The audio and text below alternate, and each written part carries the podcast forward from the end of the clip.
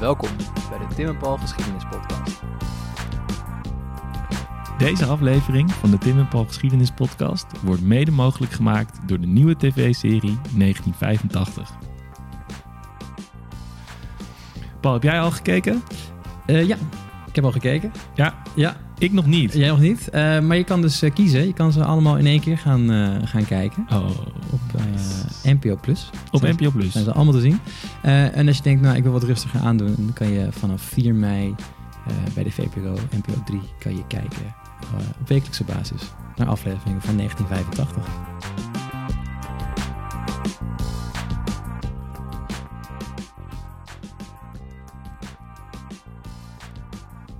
In een eerdere aflevering hadden we het over het stoomschip de Van Imhof. Een tragisch verhaal uit 1942 waarbij honderden mensen om het leven kwamen. Wat gebeurde hier? En waarom? En hoe is de Nederlandse overheid omgegaan met deze scheepsramp? Het verhaal van de Van Imhof zegt veel over de Nederlandse omgang met het oorlogsverleden. Historica Lucie van Hulst deed onderzoek naar de Van Imhof en sprak met nabestaanden en de maker van in de doofpot gestopte documentaire uit de jaren 60. Paul, Hey, vanuit ons podcast HQ. Ja, zitten we weer. Wie zit er bij ons aan tafel vandaag? Wij zitten met een, eh, nou voor jou een oude bekende. Ik ken Ja. je wel qua, qua gezicht, maar volgens mij hebben wij nooit, eh nou behalve net dan, gepraat met elkaar. Dat gaan we, gaan we nu, nu eh, anders doen. We zitten hier aan tafel met, met Lucie, Lucie van Hulst. En ehm, nou ja, die kennen wij, of ken jij Tim, van... Haar onderzoek naar de Van Imhof bij het Scheepvaartmuseum. Ja, want we maar hebben- dat was ook je scriptieonderzoek. Klopt, ja. Ja. We hebben een tijd geleden hebben we een, een podcast opgenomen eh, met Marieke Obrel. Ja, En toen raakten we aan het praten. Op een gegeven moment, dat ging over de eh, Duitse Nederlanders tijdens de Tweede, We- Tweede Wereldoorlog. En toen kwamen we even op het on- onderwerp van de Van Imhof. En eh, toen dachten wij Eureka. daar kennen we iemand van die Ja. daar iets over weet. Dus dat is heel leuk dat je, dat je tijd voor ons hebt om bij ons aan te schuiven. Ehm, want dat is jouw, jouw scriptieonderwerp geweest. En het fellow, fellowship van de... Het Scheepvaartmuseum. Nee, van het, eh van het Scheepvaartmuseum. Ehm, dus jij weet daar het een en ander over, eh, over te vertellen, Klopt, denk ik. ja. Ehm, Misschien gewoon maar bij het begin beginnen. Wie was meneer Van Immel? Dat is een VOC-beambte, toch? In de V- ja. nee, Daar heb eh, ik geen onderzoek naar gedaan. Oh, oké. Het gaat over het schip van Ja. Immel, hè? niet, eh niet persoon. Ja. nee. Maar 1942, toch? Ja, Dan is er een scheepsramp. dan is er een scheepsramp. Ja, en eigenlijk, het is grappig, want ik had dus ook die eh, podcast van jullie met Marieke Oprel eh, geluisterd. En zij zei ook van, het is een beetje lastig waar je dan dus begint met haar eigen onderwerp al. En dat is met de Van Imhoff eigenlijk ook zo. Want de scheepsramp vond plaats in januari 1942. Maar het begint natuurlijk eigenlijk al bij de ehm, Duitse inval in Nederland. Ja. eh, in mei 1940. Want op dat moment werden alle Duitsers in toenmalig Nederlands-Indië geïnterneerd in kampen. En op een gegeven moment eh, dacht de Nederlandse koloniale regering die daar zat van...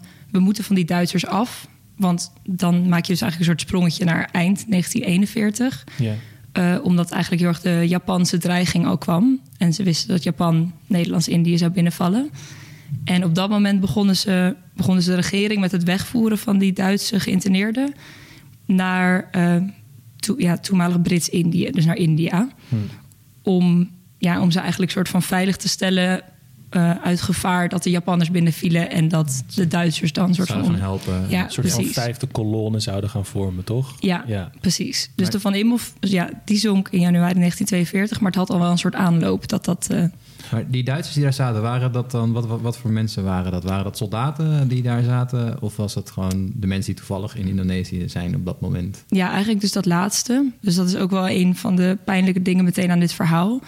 Want omdat de Nederlandse regering eigenlijk best wel uit een soort paniek ging handelen, besloot ze gewoon van: eh, ja, alle Duitsers zijn zogenaamde staatsvijand. Dus alle Duitsers worden geïnterneerd. Maar dat waren dus ook. Het waren eigenlijk niet alleen Duitse burgers. Het waren ook bijvoorbeeld Tsjechen en Hongaren. Waarvan ze gewoon even niet konden zeggen van...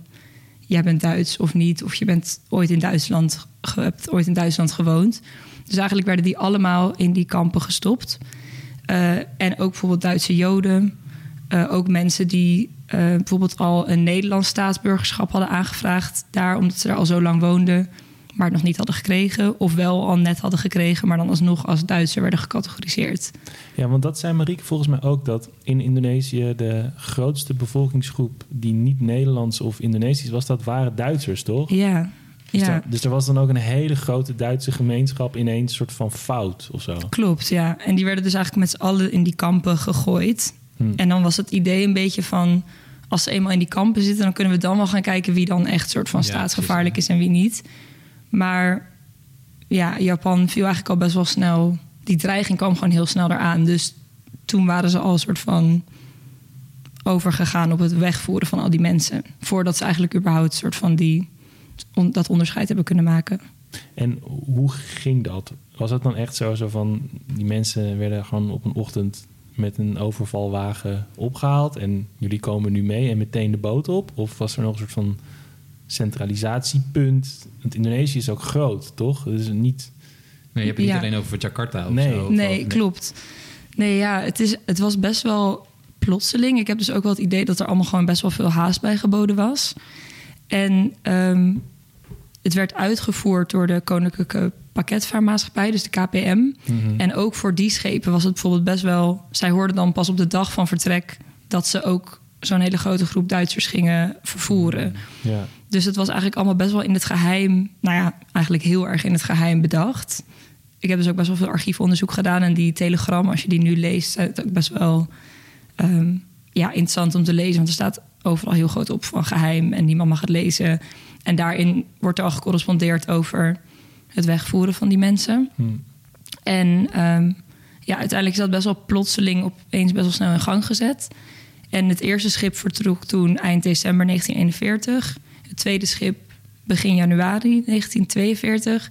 En het derde schip was dan dus de Van Imhoff. Die vertrok oorspronkelijk al op 17 januari 1942. En op dat schip zaten dus eigenlijk de minst gevaarlijke Duitsers... in de ogen van de Nederlandse Ja, koloniale regering. Het eerste schip wat je weg wil hebben, dat zijn misschien de, de, De- na- de de, mensen die gele- de- geleerd ja. zijn Ja. aan en die politiek sterke ideeën hebben. Misschien, misschien belangrijke mensen uit de, de maatschappij, zeg maar. Precies, en echt een nazi-sympathisanten... waarvan ze dat gewoon konden Ja, duiden. Dus die waren echt zo snel mogelijk al. eh, gewoon weg. Ja. Is er dan, want je zegt net dat ze naar, naar Brits, eh, of tenminste naar, naar India worden gestuurd. Ehm, is, weet je toevallig waarom ze dan specifiek daar naartoe werden gestuurd? En wat vonden die Engelsen daar dan van? ja, die Engelsen vonden, ja, die zaten daar, die hadden dat wel gewoon afgesproken. Ja. Er waren wel, er zijn ook wel telegrammen waarin staat dat er eigenlijk de oorspronkelijke idee was Australië. Mhm. Maar uiteindelijk werd er dan voor een soort, volgens mij was het een soort gemak gekozen dat dat ook een duidelijkere route was, een veiligere route. Want er stond dus ook in een van die telegrammen van, een bepaald moment wordt er heel veel gezegd, de Duitsers mogen, of Duitsland mag dit nog niet weten. Pas als al die geïnterneerden verplaatst zijn, gaan we de Duitse regering inlichten. En in een van die telegrammen staat ook van, ehm, maak vooral duidelijk dat we hebben gekozen voor de veiligste route Juist, ja. richting India Ja, en niet ja, voor Australië. ja, want dan zou je nog Duitsers tegenkomen of zo. Ja, ja. Of, misschien Japanners. ook, ja, misschien Ja. Japanners. Ja. Ja. Ik denk dat ze dus toch dacht, ja, dachten dat ze ze zo veilig mogelijk dan die kant op konden sturen. En dat daar misschien minder snel Japanners zouden zijn. Maar dat is niet helemaal het gegaan is. Nee. Want je, je noemde het net al, Van Imhoff is gezonken. Ehm, hoe is dat in zijn werk gegaan? Dat schip dat- vertrok vanuit Java? Ja, Sibolga Ja. vertrok het. Ehm, en Waar? Op- Sumatra. Oorspronkelijk dus op eh, 17 januari al. Ja. En dat was dus een schip van de KPM. En die kapitein had niet gehoord eh, wat hij zou gaan vervoeren. Dus pas toen hij daar aankwam, bleek het toen nog 300 Duitse geïnterneerden te zijn. Toen is het uitgevaren. En eigenlijk bleef die kapitein steeds wachten op meer informatie waar hij naartoe zou moeten gaan en wat hij moest doen hij, met die hij Duitsers. wist helemaal niks. Hij wist moment. niks, nee. Ehm, dat eigenlijk al misschien dus meteen een soort van gek punt hier aan. Want je kan ook voorstellen als je een kapitein van een KPM-schip bent... Dan ga je Dat je pakketjes niet- vervoeren, toch? Precies, Ja. en dat je niet gewend bent om opeens je hele vracht vol geladen te hebben met Nee, geïnterneerden. maar dit is, eh, dit is, als je even een soort van scheepstechnisch gaat kijken, dit is gewoon een vrachtschip voor pakketten van verschillende formaten, zeg maar. Post, postpakketten Ja. en, en misschien, misschien een object eh één keer op zijn tijd of zoiets, maar niet per se een laadruim waar je mensen even kan neerzetten. toch? nee. en dus helemaal ook niet mensen die dan in de ogen van de Nederlanders al dan niet gevaarlijk zouden zijn. Ehm, dus toen was het al uitgevaren. En toen hebben ze een dag voor de kust van Sibolga eh, gelegen eh, om te wachten. Toen op een bepaald moment heeft die kapitein gezegd van we gaan weer terug. Toen zijn ze weer teruggevaren naar de haven van Sibolga. Toen kwamen er nog eens 100 Duitsers aan boord. En toen op de 19e kreeg je dus te horen van je moet naar eh, ja, Brits-Indië varen. En toen zijn ze wel uitgevaren. Maar eigenlijk dus vlak na het uitvaren geraakt door een Japans bombardement. Eh, dat was helemaal niet zo ver voor die kust. Dus ze waren nog helemaal niet zo lang onderweg. En eh, toen, ja, daar is een paar uur overheen gegaan. Toen een bepaald heeft die kapitein het schip als zinkende verklaard. En is toen met de volledige Nederlandse bemanning van het schip gegaan. En ook alle reddingsboten in beslag genomen. En de Duitse geïnterneerden, die dus in het ruim opgesloten zaten. In kooien, maar dat is niet helemaal te verifiëren in de archieven.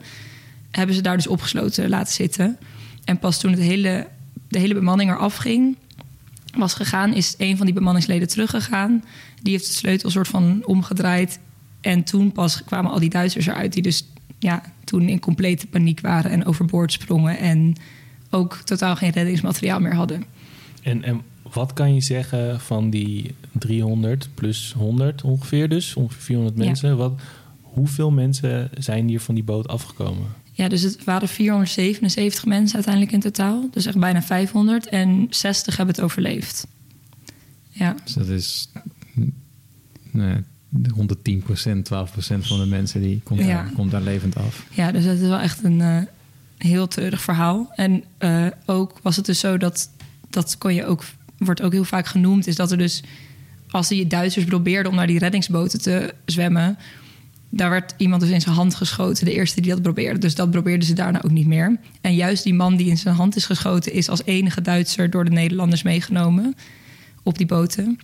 Maar goed, er, ja, feit is waarschijnlijk dat er gewoon veel meer ruimte was op die boten om ook nog meer mensen mee te nemen. Ja. Maar ze waren gewoon heel bang. Ja, Ja, Tuurlijk, ja. ze wisten, ze- ja, ze- het was eigenlijk een te grote afstand tussen, denk ik, die twee landen. Dat ze die Duitsers niet aan boord namen. Maar dat is natuurlijk wel, ja, die bemanning heel erg kwalijk te nemen. ja want, want zeg maar, hoe, hoe is dit toen in, in Duitsland gevallen? Was dit nieuws daar? Hoe, hoe is dat op de een of andere manier daar terechtgekomen in de zin van propaganda? Kijk wat die Nederlanders doen of zo. Ja, maar het gekke is, wat ik nog steeds niet helemaal kan achterhalen, is dat eigenlijk de eerste berichtgeving ervan in Duitsland is 1943. Dus een jaar daarna. Mhm.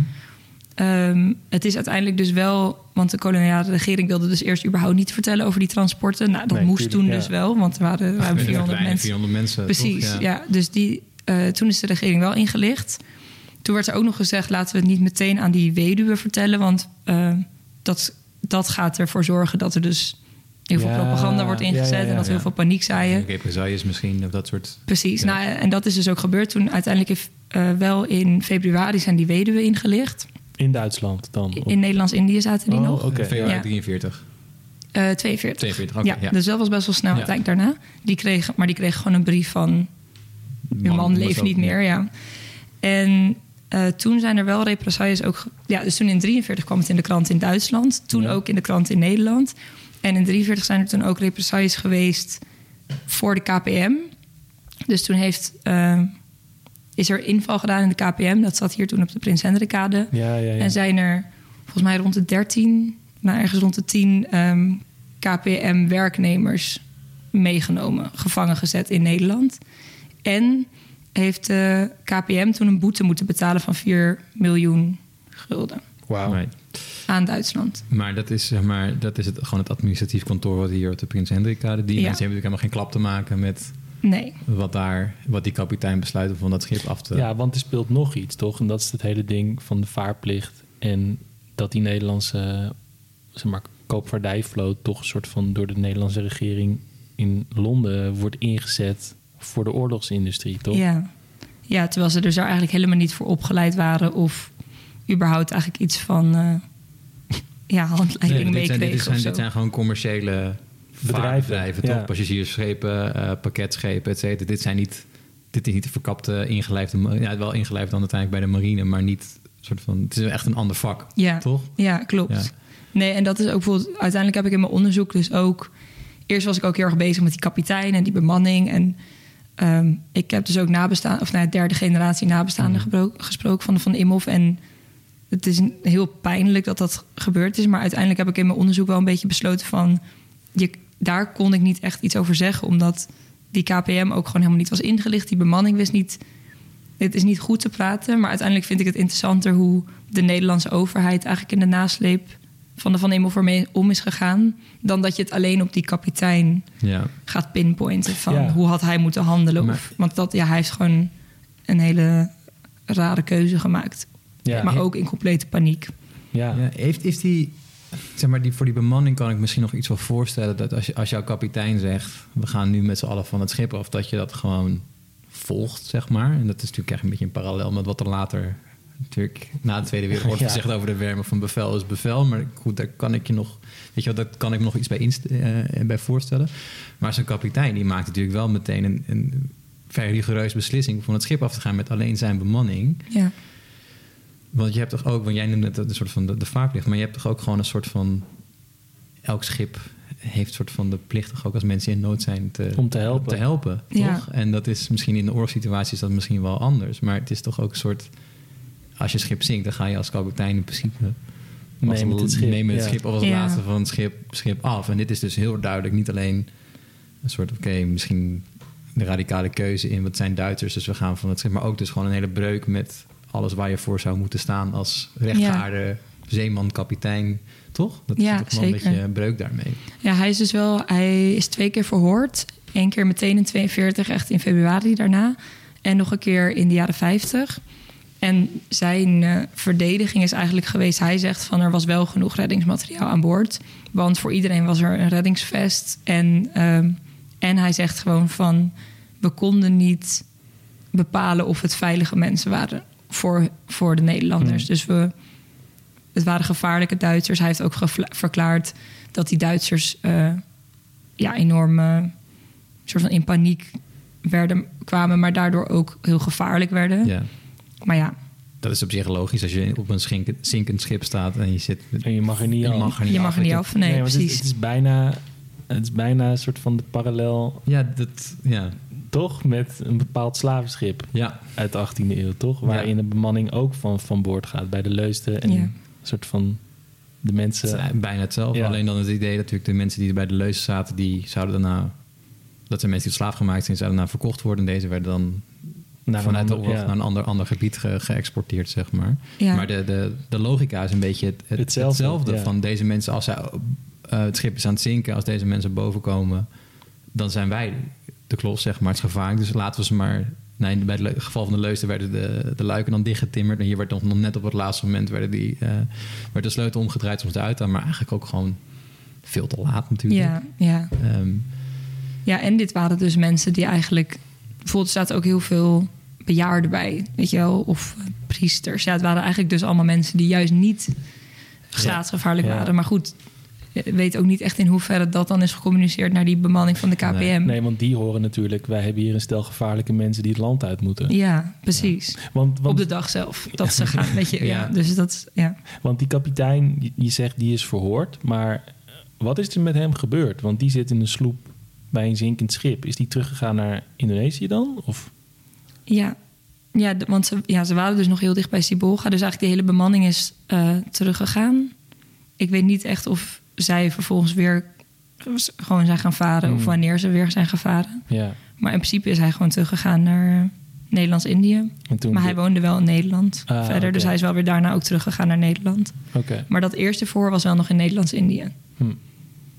Ja, en door wie is hij daar dan verhoord? door, ja, door de, Door de Nederlanders. of ja, zo. de Nederlandse commissaris die daar zat. Volgens mij was dat dus wel vanuit de overheid ingesteld. En Maar misschien ook gewoon een beetje van, joh, dat schip is gezonken. Eh, niet Ja. zozeer strafrechtelijk. Wat is hier, maar gewoon vertel je verhaal over wat er gebeurd is. Want je hebt, Ja. uiteindelijk is het gewoon kapitaalvernietiging, zo'n schip, wat je kwijt bent. Jij bent verantwoordelijk voor dat schip. Dus wat, wat Vertel maar. Vertel maar hoe dat gegaan Ja. is. precies, ja. Ja. Ja, en je hebt dus ook nog hier parallel aan, want die overige 60 Duitsers die het dus wel hebben overleefd, die, ja, die hebben vlotten gemaakt en eh, bijvoorbeeld uit tafels of stoelen en die hebben het zo overleefd. Die zijn eigenlijk bijna allemaal aangespoeld op Nias. Dat ligt daar, is een eiland daar in de buurt. En je hebt dus een soort verhaal waar ook heel veel on, of onduidelijkheid eigenlijk over bestaat. En dat is het verhaal van de Boulongan.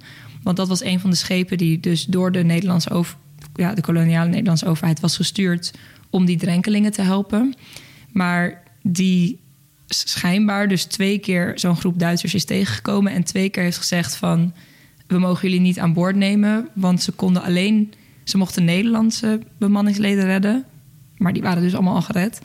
Maar ze mochten alleen Duitse geïnterneerden redden als ze op zee dus konden bepalen of het staatsgevaarlijke Duitsers waren of Hoe niet. ga je dat in vredesnaam doen dan? Nee, en dat konden Ja. ze dus niet. Dus ze hebben twee keer heeft dat schip een eh, groep Duitsers tegengekomen en hebben ze ze dus is zijn ze gewoon doorgevaren. En dat zijn die Duitsers die het uiteindelijk hebben overleefd. Dus die hebben dat verhaal verteld. Wauw.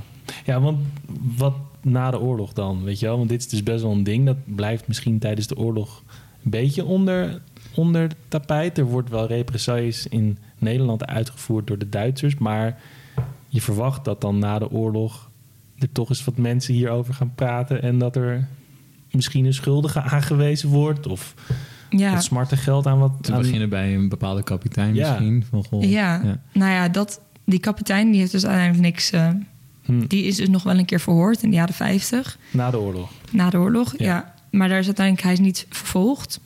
Ja, eigenlijk begint, de, de berichtgeving begint dus in 1943 vanuit Duitse kant. En elke keer, want het gebeurt dus eigenlijk in de 20e eeuw een paar keer... dat er in de kranten wordt gepraat over de Van Imhof. En elke keer begint het, logischerwijs waarschijnlijk, aan Duitse zijde. En dan nemen de Nederlandse kranten dat over. Hm. Dus eigenlijk in 1943, maar opnieuw in 49 en in de jaren 50 worden elke keer de krantenkoppen van eh, ja, een oorlogsmisdaad in Nederlands-Indië of eh, Nederland laat 470 Duitsers verdrinken en dat soort koppen. En die komen uit Duitsland. Ehm, maar ja, worden overgenomen in Nederland. Maar dat blijft eigenlijk zo soort van doorgaan. Eigenlijk tot en met de jaren tachtig. Want zelfs dan is er weer zoiets van nieuwsflash. Weet je, alsof het nooit, alsof het nooit, Ja, of ja. doofpotaffaire, alsof Dat- het nooit eerder bekendgemaakt is. Het is natuurlijk wel vaak met dingen die dan uit de oorlog... dat tijdens de oorlog niet echt besproken worden. Want mensen hebben andere dingen aan hun hoofd, zeg maar. En dan, dan laat van... Oh, maar dit is, dit is het verhaal wat nooit verteld is. Nee, Deze precies. misdaad kennen we nog niet. Maar, Nee. Jawel, maar zijn het een beetje vergeten of zoiets. Maar Ja. hoe werkt dat dan? Want zeg maar, dat is toch raar dat het er wel is, maar niemand het weet of zo? Ja, dat vind, ja, vind ik ook ingewikkeld. Want uiteindelijk, ja, in de jaren zestig is het dus voor het eerst echt heel erg aangepakt door eh, Dick Verkijk, een journalist bij de VARA. Maar die, en die had een documentaire gemaakt over de Van Imhof en had daarvoor ook eh overleefden van de Van Imhof geïnterviewd. En het moment dat die documentaire gepubliceerd zou worden, het was voor het programma Achter het Nieuws, is, die eigenlijk ge- is er een stokje voor gestoken door de VARA.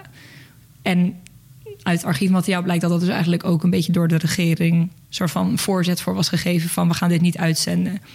Maar ook daarover is toen wel een heel groot artikel verschenen door Dick Verkijk geschreven in het Parool. Ja, van de jongens, eh, ik heb een programma gemaakt, het wordt geblokkeerd. eh, en hij werd ontslagen. Ja, zoek het uit. Ik Het ga wordt het hier gewoon kalt gesteld. Ja, ja, Ja. cancel culture in de, weet je wel, dus de groeten. We gaan het gewoon publiceren. Ja, precies. Ja. Dus zelfs, in, ja, zelfs toen is er over geschreven. En dan opnieuw in de jaren tachtig is het van... dit hebben we nog nooit gehoord. Dus dat is iets wat ik toch moeilijk... nog steeds moeilijk kan begrijpen... hoe dat dan toch steeds zo wegzakt... uit het soort van collectieve geheugen. Ja. Als je het zo mag zeggen. Maar misschien is het dan toch omdat het uiteindelijk gaat het om. Het is, het is natuurlijk een verschrikkelijke ramp op dat moment. En een van de grootste scheepsrampen uit de Nederlandse geschiedenis, de grootste misschien, weet ik even niet uit mijn hoofd. Maar ehm, het is in het hele verhaal van de Tweede Wereldoorlog en opbouw en dat soort dingen is natuurlijk een klein dingetje. Ehm, misschien is het dan ook nog jaren zestig van we moeten goede relaties weer aangaan met Duitsland. Maar we hebben toch nog een soort van oorlogstrauma hier. Dus laat het, weet je, het is natuurlijk allemaal heel voorzichtig en precair hoe je daarover moet Ja, omgaan. Ja, en dus ook heel erg de tekst, ehm, zeker in de jaren zestig, van dit was erg, maar laten we het zeker niet vergelijken met het nazisme in Nederland. Ja, Wat, Hmm. dat werd heel erg genoemd, ook door de VARA, maar ook door Lou de Jong zei dat hierover. En ja. ja, je gaat meteen relativeren. ja van dit was echt heel erg, maar ja, je krijgt Ja, een soort ja. van, van hiërarchie van kwaad, toch? Precies, zij Ja. waren erger. Ja. Ja. en dan heb je dus ook nog een soort interessant, eh, over die Hoeksema gesproken, een soort interessante correspondentie. is Hoeksema? Dat is de kapitein. Ja, sorry. Ja. Kapitein Hoeksema. Ja. Ja, in de jaren zestig.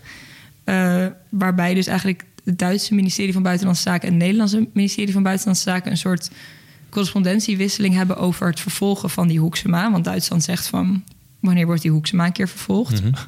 Waarbij dan Nederland zegt van ehm, ja, maar dan hebben zij een soort andere NSB'er in hun hoofd die dan in Duitsland woont.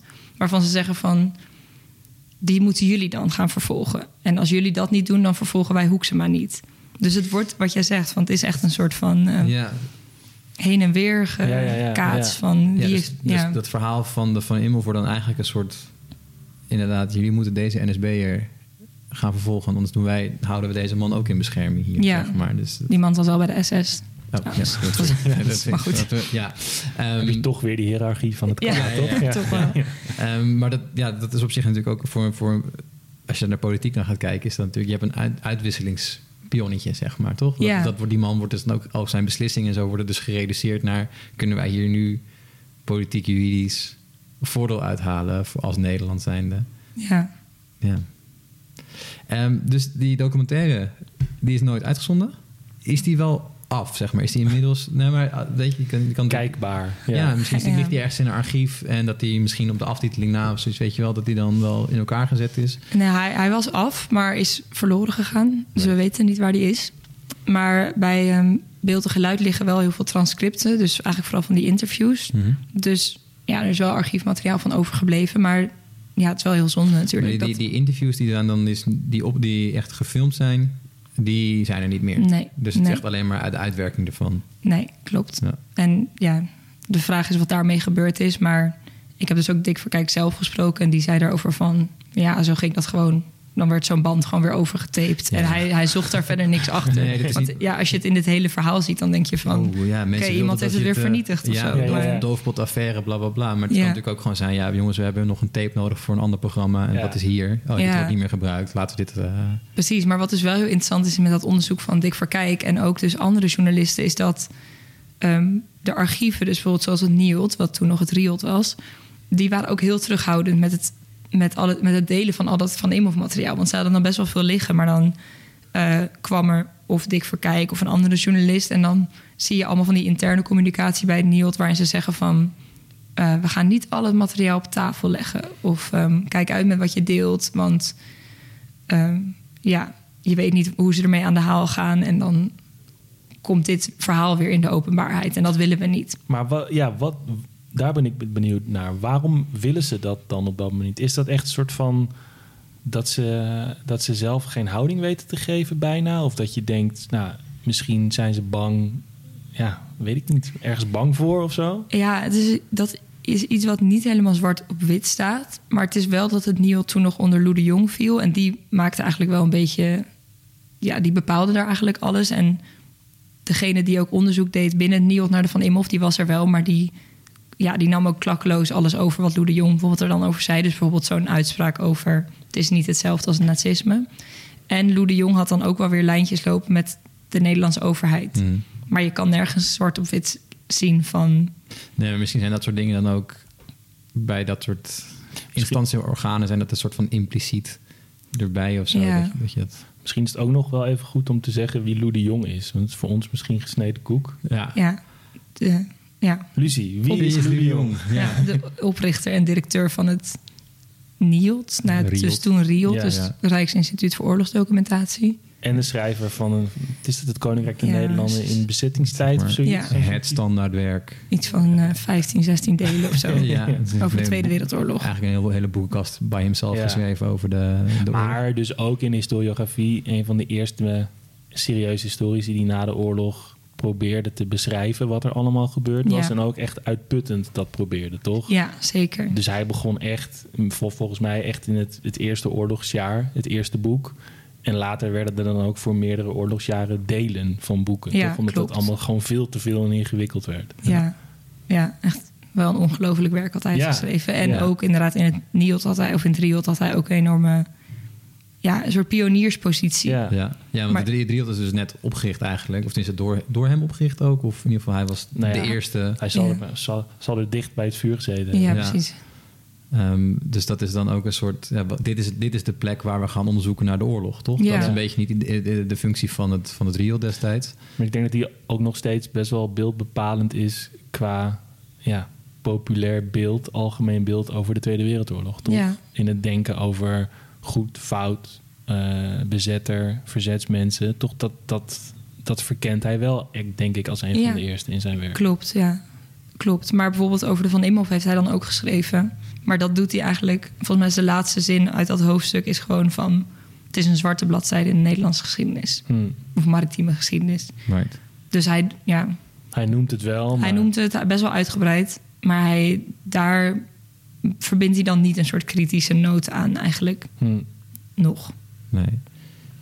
En heb je, heb je het idee dat misschien naast alle institutionele dingen die dan misschien spelen, of dat het in, niet in de doofpot wordt gestopt, maar dat de regering zegt van nou, we hoeven dit liever niet eh, bepaalde redenen uit te brengen. En dat er ook gewoon nog een idee in zit van, ja, even flauw gezegd, het waren Duitsers, dus het interesseert ons niet zo heel erg veel.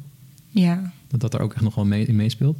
ja heel erg denk ik. Eigenlijk eh, misschien wel gewoon gedurende de hele 20e eeuw. Ik denk ook dat dat is heel erg het sentiment wat die nabestaanden heel erg hebben. Van, eh, die mensen werden gewoon afgesfeerd als Duitsers, dus het maakte niet uit. En dat het bejaarden zijn en vrouwen en kinderen, dat... Ja, dan- geen vrouwen. Oh, geen, sorry, geen vrouwen. Maar wel, ja, wel eh, Joodse Duitsers en zo. Ja, Ja. dat, ja dat, ik denk dat dat heel erg waar is. En dat dat ook wel heel erg spreekt uit al die... de manier waarop ze er de hele tijd over praten. Van het was wel heel erg, maar goed, ja, het was oorlog. En eh, wij zijn het niet begonnen. nee, Ja, dat precies. En wat ja. zij hier deden, dat was helemaal Ja, niet eh, dat is fraai. echt heel erg, ja. Ja. En, Ja. en jij hebt voor je onderzoek ook veel, veel eh, nabestaanden gesproken dus. Ja, Hoe was haar. dat? Hoe, zeg maar, jouw persoonlijke ervaring? Ik kan me voorstellen dat het best wel interessant is, maar ook heftig. Of hoe vond je die mensen ook? Dat is ook wel interessant.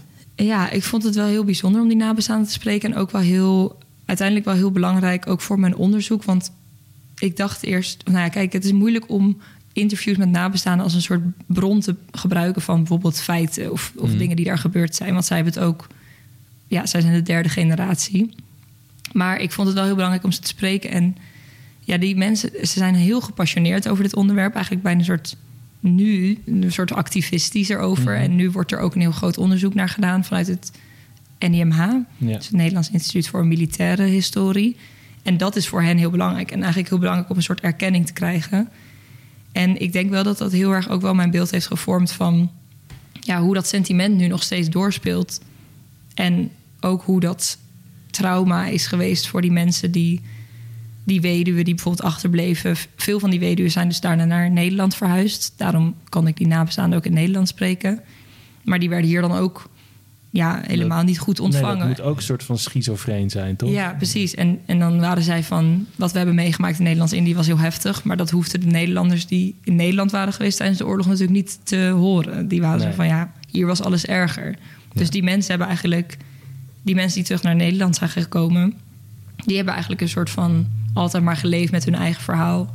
Ja. En nooit je verhaal kwijt kunnen. Nee. En als je dat een keer dan vertelt, dan wordt het misschien ook nog wel gebagatelliseerd. Ja, van ja, zeker. Goh, nou, dat was heel heftig, joh, maar hier was het ook vervelend. En ook, je- het waren Duitsers. Ja. Weet je wel, dus we konden niet echt anders. Dus, dus, en ik denk dat dat dan ook wel weer van generatie tot generatie doorspeelt. Hmm. En dat die mensen nu, die der- derde generatie, die zijn juist heel erg van... we willen weten wat er echt gebeurd is... en Ja. we willen erachteraan. En we willen erkenning van de Nederlandse overheid ook. En, en hoe, is ook een te brede vraag voor al die mensen waarschijnlijk, maar hoe wordt er dan gekeken onder die, door die groep eh, naar nationaliteit? Want dat lijkt me ook iets heel ingewikkelds door wat je zegt. Zo van, voelen die mensen zich wel dan Nederlands, ondanks dat ze hier wonen? Ja, Dankzij de, ik weet het niet precies, maar dat is inderdaad ook wel een beetje ingewikkeld voor die mensen zelf, had ik wel het idee hoor. Ook een beetje dat Duits-Nederlandse. Eh, sommige van die mensen zijn pas op hele late leeftijd voor het eerst naar Duitsland gegaan. hm, En voelen zich dan wel helemaal Nederlands, maar hebben door dit verhaal wel ook een soort van Duitse identiteit die ze dus eigenlijk nooit echt hebben kunnen onderzoeken. Nee. Of, dus dat is wel echt inderdaad een soort item ja, bij die mensen ook. Ja. En ja, en zij vinden het dus nu heel belangrijk dat ze een soort erkenning krijgen. En bijvoorbeeld dat geld dat dus door de KPM is betaald aan de, Nederlands, aan de Duitse overheid. Die, die dat was 4 ook miljoen waar je het eerder over ja, had. die 4 miljoen gulden. Die was dus ook bedoeld om uit te keren aan de weduwe. Maar dat hebben die weduwen natuurlijk nooit gezien. Dus nee, die, het ging gewoon lekker naar de oorlogsindustrie, toch? ja, precies. Ja. Ja. Vliegtuigen van gekocht of Ja. zo. Nee, precies. Dus dat is ook wel eens nog iets wat bij die nabestaanden speelt. Van kijk, zij doen het nu niet voor het geld. Maar het is Mm, natuurlijk wel van ja. ja. dat geld was wel ooit bedoeld voor die mensen. Nee, maar dat krijg je natuurlijk wel vaak met dit soort nabestaande verhalen, toch? Dat er een soort ook een element, ieder geval in de media, over wordt gesproken of een soort discussie over ontstaat. eh, over van oké, als we excuses moeten aanbieden voor dit of dat, dan zit er meteen ook een Een prijskaartje aan. geldelijke kwestie. Ja. Precies. En dat, daar hoeft het natuurlijk Hoeft het die- niet over hoeft te het gaan. niet Nee. voor die mensen over te gaan natuurlijk. Het is ook gewoon een soort, ja, sorry, dit was niet, weet je wel, was fout wat we gedaan hebben daar. Dat is Ja. natuurlijk ook al. eh, Ja, en wat het natuurlijk ook wel Ja, verder precies. ingewikkeld maakt in dit geval, is dat er al betaald, betaald is. Ja. Dus, dus, dus er is al een soort En dat van... geld is verdwenen natuurlijk. Ja, en Ja. Dus dat wordt ook, als, als dat nu over geld gaat, wordt dat bijzonder ingewikkeld, lijkt mij, waar dat geld nu vandaan moet gaan komen. Want er is al een bedrag betaald. ja, dan Dat zou is een soort dus smarte geld. moeten vorderen bij de Duitse, Duitse overheid. Maar ja, dat is ook weer dan Ja, Ja, dat, vreemd dat, of zo, toch? Ja. ja. Volgens mij was er ook wel een keer een brief nog naar Merkel gestuurd, maar was daar ook totaal geen reactie op gekomen. Nee. Maar ik denk, ja, ik, ik vraag me dus ook wel af hoe dat in Duitsland zelf zit. Of wat de groep nabestaanden daar, of die ook zeg maar zo verenigd zijn als ze nu hier zijn. Hm. Lijkt me best wel interessant ook nog. Maar ik heb me dus heel erg gericht op eigenlijk de Nederlandse kant van dit verhaal. Ja. ja. En, en want ik, wat ik wel met wat je zei, waar je net zei, is.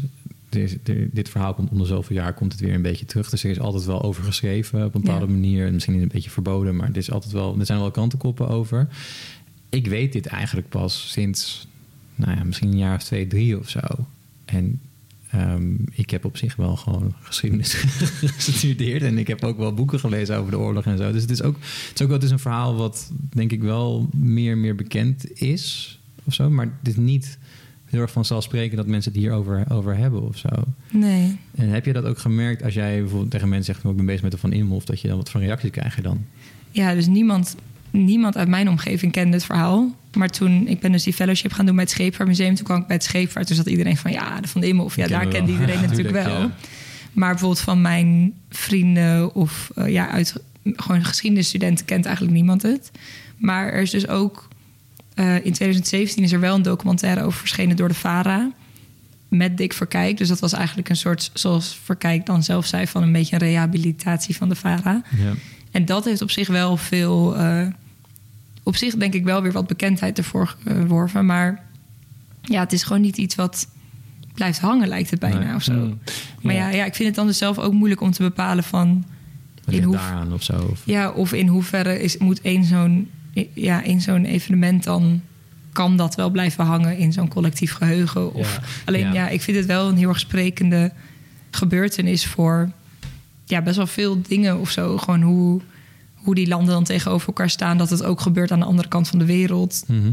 Ja, ik weet niet. Het is in mijn ogen wel bijvoorbeeld een gebeurtenis dat als je het in het kanon van de. Nou, ja, misschien niet in het kanon, maar als je het als op de middelbare school zou doseren, dat dat best veel vertelt ook weer over een bepaalde Ja. andere kant van de oorlog. Ja, en misschien nog wel het meeste zegt over de naoorlogse Nederlandse worsteling met die Tweede Wereldoorlog, Ja. toch? Daar is het denk ik het meest treffend voor. Dat je ziet dat, oké, er gebeurt iets, ehm, maar, maar die Tweede Wereldoorlog is denk ik in de hele 20e eeuw een soort van de oercatastrofe die heel erg bepaalt hoe Nederlanders met elkaar omgaan, de wereld zien. Want je hebt toch ook na de oorlog dat dan altijd de mening, ik, ik chargeer het nu, maar van de oude verzetsmensen werd gevraagd over politieke kwesties. Zo ja, van, ja. Dat is een soort van moreel baken gebleven. ja. Ja, en de man die eh, hier tegenover wordt, die, eh, woont, die was fout. Dus die hoeven we nooit meer. Ja. eh, die komt niet meer langs. Die, die wordt dus van kalt gesteld, zeg maar. Ja. Nee, ja, wel- klopt. En, en dus ook wel gewoon van, waar ik dus best wel van geschrokken ben, is in hoeverre de Nederlandse regering dan toch de hele tijd daar invloed op heeft. En het de hele tijd onder de pet houdt, zo'n verhaal, omdat Mm. het niet goed uitkomt Ja. voor de Nederlandse kant van het verhaal. Maar dat ze dus bijvoorbeeld ook archieven, zoals het NIOD, maar ook het archief van de KPM, daar ook weer een invloed op hebben. Namelijk gewoon door te laten, soort van door te reguleren wat wel en niet wordt laten zien aan onderzoekers. Ja. En dat was dan natuurlijk wel in de jaren 50 en jaren 60. Dus je kan ook heel veel zeggen over de tijdsgeest toen. Mhm. Maar toch, ja, als historicus schrok ik daar dan soms wel van. Het is wel een beetje beklemmend inderdaad dat, dat gewoon de overheid zo erg bepaalt wat er wel en niet. Ja, echt zo'n narratief, weet je Ja. wel. En dat is het heel erg. Dat Nederlandse narratief botst gewoon heel erg met het Duitse narratief. En dat ge- blijft gebeuren. En ik vraag me af of dat dan nu met dat nieuwe onderzoek van het NIMH een beetje een keer gaat verenigen of zo. Ja, want misschien is het wel goed om dat nog even iets uitgebreider te bespreken. Ook al heb je Ja. daar niet echt binding mee. Nee. Maar wat, gaan, wat zijn zij precies aan het doen nu? Ja, nou ja, dus wel met de disclaimer dat ik het ook niet precies weet. Maar zij zijn bezig met een tweejarig onderzoek. Een aantal onderzoekers. En zij eh, kijken bijvoorbeeld ook veel meer in Duitsland. Dus in de Duitse archieven. In Bonn ligt veel, in Berlijn.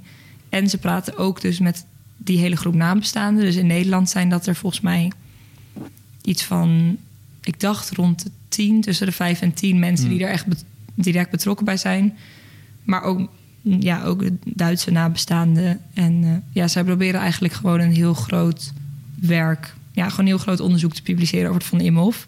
En het is dus een opdracht van het ministerie van Defensie. Hmm, Dus maar- het is wel echt bedoeld vanuit de overheid van... Ja. we gaan hier een keer naar Waar de kijken. overheid eerst soort van zegt, we gaan dit eh, een beetje onderdrukken. Ja, En dan gaan ze nu, we gaan dit vooral niet onderzoeken. ja, en nu juist, oké, we gaan het wel proberen te, Ja. te doen. ja. Nou ja, in de jaren 50 heeft het NIOD dus wel onderzoek daarnaar gedaan ook.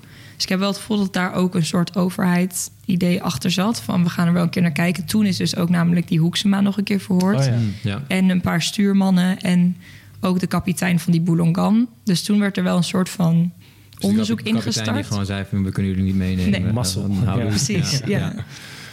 Nee, Ja. dus, dus er is wel een soort poging gedaan, maar het is ook niet dat daar iets uit werd gepresenteerd. Of ehm, nee, want, want sterker nog, vijf jaar later in 65 was de overheid weer zo van: we gaan niet deze vader-documentaire Nee. uitzenden.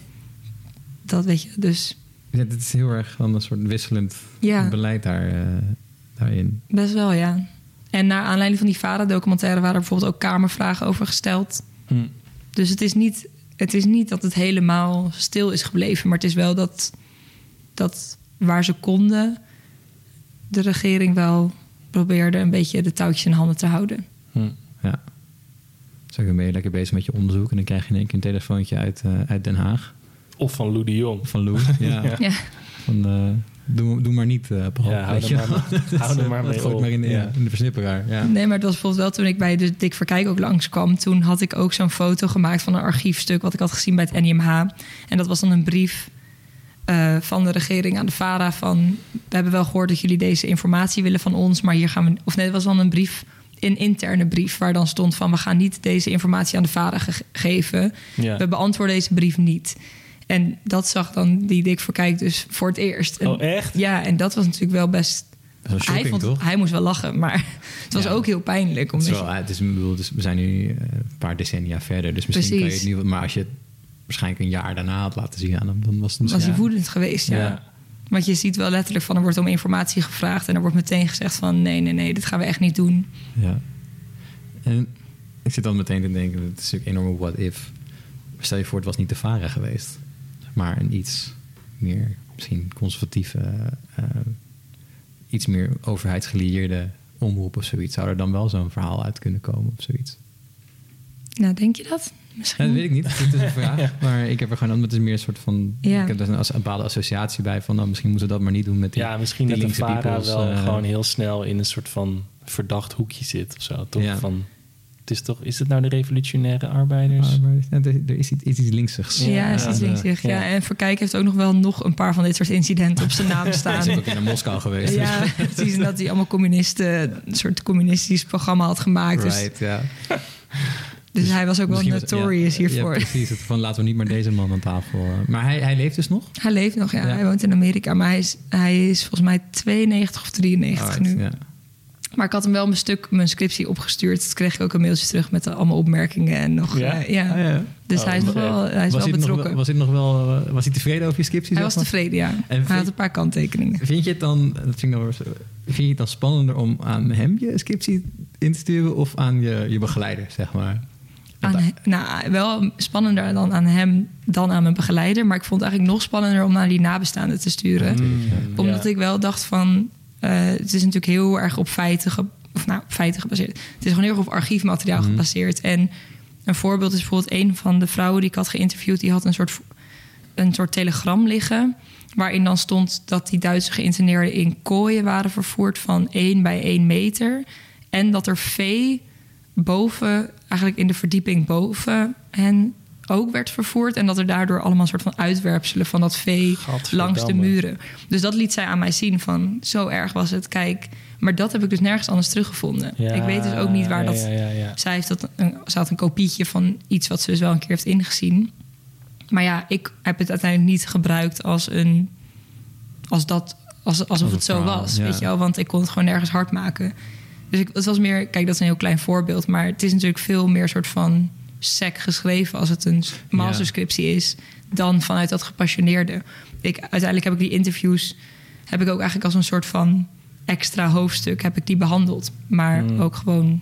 Ja, want, want het wordt dan heel snel een soort van vergelijking van het bronnenmateriaal ten opzichte van de interviews of zo. Ja. Terwijl die overlevering binnen die familie is een soort bron op zich. Ja, precies. Maar ja, je, moet je, je kunt je denk ik wel afvragen in hoeverre dat dan weer strookt met zeg maar, die hardcore wetenschappelijke feiten die je uit zo'n ja. andere bron haalt. Precies, net zoals dat zij dus heel, ook heel nog gepassioneerd zijn over die Hoeksema en hoe die heeft gehandeld. Terwijl dat was op een bepaald moment voor mij gewoon minder interessant. Omdat je, ja, daar moet je veel te veel mening in leggen.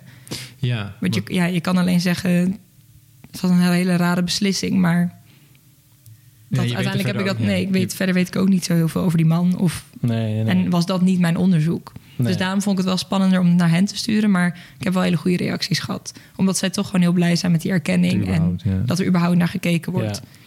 Dus En, en voor het, het eh, want dit is dan je, je scriptie. Maar je hebt dus ook een fellowship gedaan. Of een fellow moet ik, hoe moet ik dat zeggen? Fellow? Fellowship? Een fellowship. Fellowship bij het Shipvaart Museum. Ja. Ehm, dat is dan, is, is daar, komt daar een boek uit, artikel uit? Hoe eh, werkt dat? Ik zit hier met twee mensen die daar misschien ervaring mee hebben. een artikel Ja, dat Ja. nog geschreven gaat worden. Maar ik wilde eerst mijn scriptie afschrijven. ja. Dus nu eh, ga ik daarmee aan de slag. Kunnen wij het nog even over hebben? En dat, dat is dan, eh, komt dat dan online of is dat in het, in het jaarboek, in het tijdschrift? Wat, hoe, hoe gaat dat normaal? Want zeg maar, mensen die luisteren, denk ik ook vet, ik wil hier meer over weten. En ik heb geen zin om twee jaar te wachten op dat onderzoek van het NIMA. Want jij hebt ook een goed verhaal en daar hebben we, eh, kunnen we daar maar mee beginnen. Maar dat is, eh, ik bedoel, bij het feit dat je, wat je net zei, dat je het nog even moet schrijven. Ja. Maar dat het, eh, waar is dat te vinden? Dat hangt heel erg ervan af wie het accepteert. Ja. Toch? Het is gewoon een Dus het is voor een Ah, tijdschrift, oké, ja. Dus het is niet vanuit het museum zelf Nee. dan... eh, Maar er is wel een klein stukje over verschenen in eh, het C-magazijn Ja. ook. Dus het tijdschrift van het museum. Ja. Vorig jaar al. Ja, Maar een uitgebreid soort van meer wetenschappelijk artikel... zal ik dan schrijven voor een bepaald tijdschrift. Right, en dan moet je het daar onderbrengen en dan kunnen ze dat... eh, Ja. ja. Maar ik wilde dus ook eigenlijk afwachten hoe dat hele onderzoek verliep. Omdat ik ook inderdaad niet zo goed wist van... gaat het meer richting die nabestaanden uiteindelijk Hmm. toe... of gaat het juist meer naar het archiefmateriaal? En op basis daarvan wil ik ook een beetje kiezen... ja, de insteek van dat artikel kiezen. Ja, logisch. maar ja. Paul, dan moet je dus nog even wachten. Ik, ja, eh, ik helaas. moet- Neem nog even je geduld Smart en geduld. Kan je wel Ja. mijn masterscriptie toesturen? Ja, die kunnen we sowieso gewoon hebt, vinden. hè. eh, Die, ja, eh, die staat staat gewoon online in de database. Kunnen we misschien een linkje invoegen in de show notes? Dat kan, als dat, eh, als dat mag. En, eh, dat mag zeker. Ik weet nog niet, niet, niet hoeveel online staat. Oh, ja. Ik ben maar ik kan doodbang als kijken. mensen mijn scriptie erbij gaan halen. maar jij hebt waarschijnlijk een iets betere scriptie geschreven dan, dan ik, als ik het zo hoor. Dus eh, Ben jij nu helemaal klaar met het onderwerp? Of ga je nog stiekem... Ja, je moet het artikel dus nog schrijven. eh, maar ga je nog, weet ik veel, dat je denkt... Ja, ik wil dit nog uitzoeken. Hier ligt nog iets. Of Nou, eigenlijk het grootste wat ik heel graag zou willen uitzoeken... is een beetje die Duitse kant van het verhaal. Alleen, ik spreek geen Duits. dat dat is lastig eigenlijk dan, het ja. grootste wat mij tegen heeft gehouden in het hele onderzoek. Want ook Duits lezen, die bronnen ging best prima. Maar om opeens een interview met iemand te gaan houden... Ja. Of, ja, weet je, of naar Bonn te gaan en daar volledig in dat archief te duiken... dat heb ik niet gedaan. Nee. Maar dat is dus wel iets waar het NIMA heel erg mee bezig is. Dus daarom, ik ben vooral heel erg geïnteresseerd waar zij mee gaan komen. Ja, En ook wel eerlijk gezegd hoe... Kijk, ik heb ook best wel veel... Je, je trekt natuurlijk ook conclusies aan bepaalde citaten uit bepaalde archiefstukken. Terwijl dat archief van de Van Imhoff is enorm.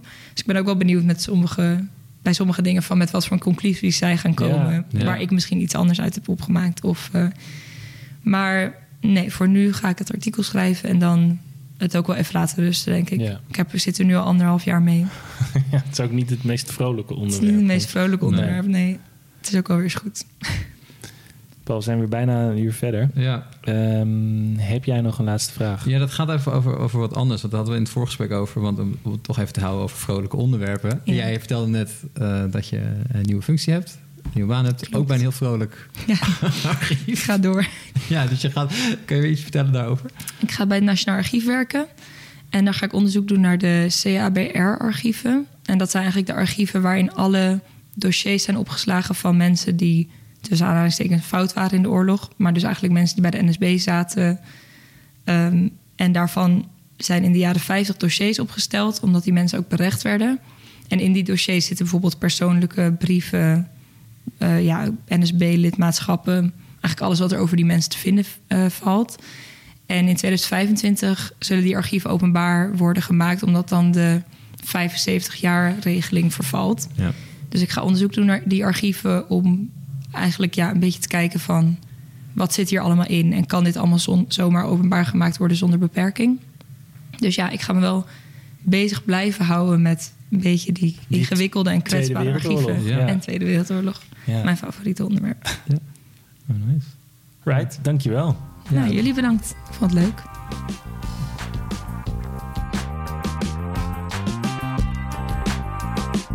Je luisterde naar de Tim en Paul Geschiedenis Podcast. Een onafhankelijke podcast van Tim Streefkerk en Paul de Jong. Met muziek van Mart Jenninga. Vond je dit nou een interessant verhaal? Laat dan een recensie achter. Dat wordt zeer gewaardeerd. En vergeet ons ook niet te volgen via Instagram of Facebook. En mis je een onderwerp? Contacteer ons dan via de socials of stuur gewoon een ouderwets mailtje naar info.geschiedenispodcast.nl. Groetjes thuis.